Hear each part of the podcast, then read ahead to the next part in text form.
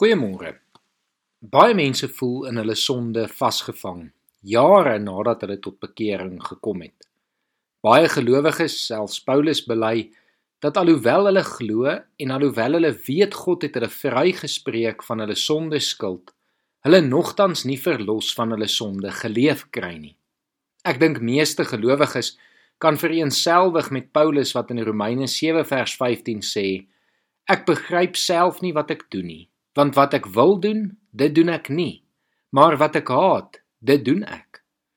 Ons is vrygespreek van die gevolge van ons sonde, maar tog is ons sondige natuur nog in ons lewe en in ons liggame teenwoordig. Ons probeer daarteen beklei en daarteen stry, maar baie keer val ons. Vandag wil ek die goeie nuus met jou deel dat God nie net vir ons vryspraak gegee het nie, maar dat hy ook vir ons volledige verlossing as deel van ons wapenrusting gegee het om juis hierteen te stry, om van die boosheid verlos te leef. Paulus skryf 'n paar verse later in vers 24: Ek elendige mens, wie sal my van hierdie doodsbestaan verlos? Aan God die dank. Hy doen dit deur Jesus Christus ons Here. sien ons verlossing van ons sonde begin by Jesus wat die sonde oorwin en die gevolge van die sonde, naamlik die dood, vernietig het. Maar dan moet ons sondige natuur ook binne in ons vernietig word en ons moet daarvan vrygemaak word. Dit is egter 'n proses wat onder leiding van die Heilige Gees gebeur en dit neem tyd.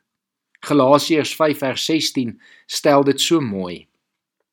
Laat julle lewe deur die Gees van God beheer word dan sal julle nooit soog voor begeertes van julle sondige natuur nie. Ons moet besef dat daar 'n verskil is tussen ons vryspraak waarvan ons Dinsdag gehoor het en ons verlossing waarvan ons vandag hoor.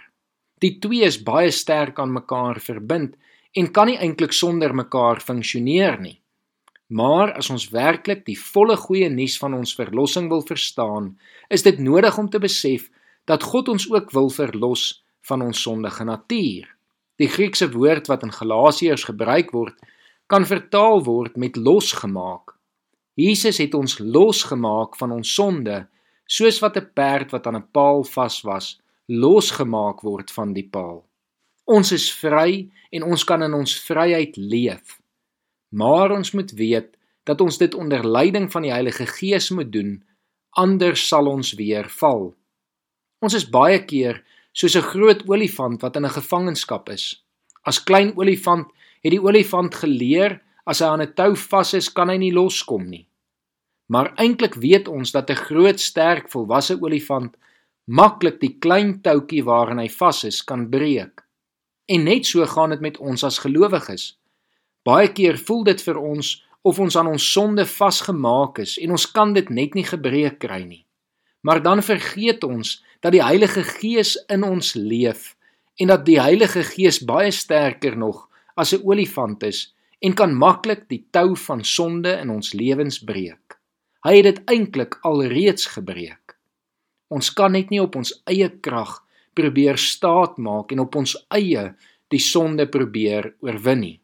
Ons moet die verlossing, die losmaak van ons sonde, die uitwissing daarvan in ons lewens aan die Heilige Gees toevertrou. En daarom moet ons doen wat Galasiërs 5 vers 16 sê, dat ons ons lewe deur die Gees van God beheer laat word. Ek weet nie vandag watter sonde daar is waarmee jy worstel nie, maar ek wil vandag die goeie nuus met jou deel dat God jou daarvan wil verlos. Jou los wil maak van daardie sonde.